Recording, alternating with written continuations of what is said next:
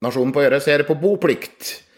Et eh, fint virkemiddel som skal sikre lys i husa og aktive lokalsamfunn i hele landet. Men eh, blir det det av eh, å bruke virkemidler som eh, å kikke inn vinduet eh, hos bønder, spre rykter på Facebook og spane etter private opplysninger i offentlige registre?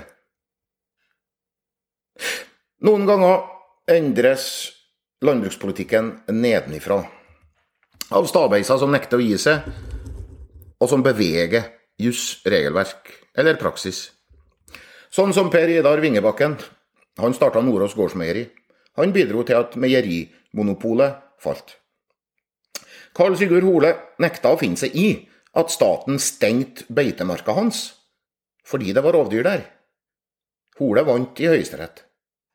Halvor Hansson nekta å betale full jordleie for et jorde som han hadde dyrka opp sjøl. Han vant over grunneier Statskog, slik at arealleia gikk ned fra 28 kroner til 15 øre. Nå handler det om hva som er hovedoppgaven til norske bønder. Å bo på gårdsbruket de eier, eller drive det. Sverre Tyldum eier og driver et gårdsbruk på Høylandet i Trøndelag og to i nabokommunen Grong. I 2016 ville Grong kommune, og senere staten, nekte Tyldum å kjøpe sitt andre gårdsbruk i Grong. Etter sju års prosess har Tyldum nå tilsynelatende vunnet. Kommunen sa opprinnelig nei til kjøpet fordi Tyldum ikke samtidig ville flytte til Grong. I 2018 aksepterte Tyldum å bosette seg i Grong i fem år. Derfor fikk en konsesjon på gården. Men er boplikten oppfylt?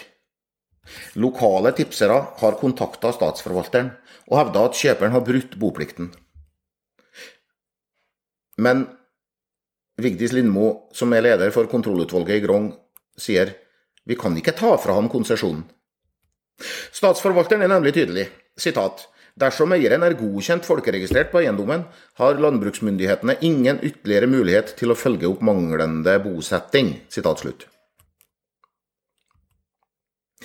Men kan ikke kommunen gjøre noe?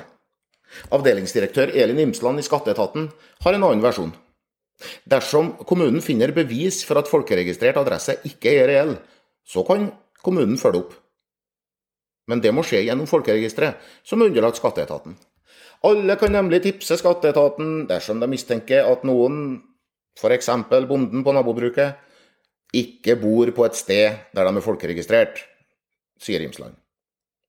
Skatteetaten kan undersøke saken, innhente uttalelse fra den bosatte, og eventuelt endre folkeregistrert bosted. Deretter kan kommunen frata eier konsesjon. Men, understreker skatteetaten, det er ikke nok å videreformidle lokale rykter det stilles krav om dokumentasjon før registeret tar saken. Landbruksbyråkratene mener på sin side at skatteetaten er for lite interessert i å etterforske tips om bønder som bor der de ikke er folkeregistrert. Og her ligger hun begravet. Verken kommunalt ansatte eller skattefunksjonærer er særlig lystne på å ta den skitne jobben med å detaljovervåke borgeres privatliv. Det tror jeg vi skal være glad for, sjøl om det gjør det vanskelig å sjekke personlig boplikt. Som Vigdis Lindmo i Grong sier, kommunen kan jo ikke kjøre opp på gården for å sjekke. I byråkratiets lange spill fungerer bonde- og bopliktsakene som et svarteperkort.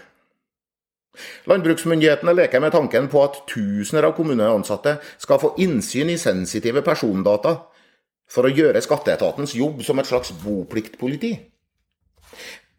Aktørene bør spørre seg hvor hensiktsmessig det er å ha et så drakonisk regime.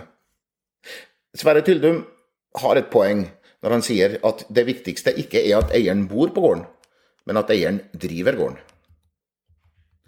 Kommunen kan nøye seg med å sette upersonlig boplikt, slik mange av dem gjør allerede. Da holder det å sjekke at det bor folk på bruket. Ingen må kjøre opp på tunet og gløtte inn vinduet og se hvem som er der. Spørsmålet blir også hva slags bygdemiljø regelverket bidrar til. Gårdskjøpet i Grong har sin egen Facebook-side. Her ligger det påstander og rykter om drapstrusler, ulovlig nydyrking, kjøpers sivilstatus og hvor mange bad kjøper har, for å nevne noe. SV-politiker Steinar Seternes i Grong beskyldte gårdskjøperen for å drive citat, 'smartness og juks', slutt, som trumfer vedtatt lovverk. Men han verken dokumenterer eller anmelder forholdet. Dette kan gi kjøperen en god injuriesak.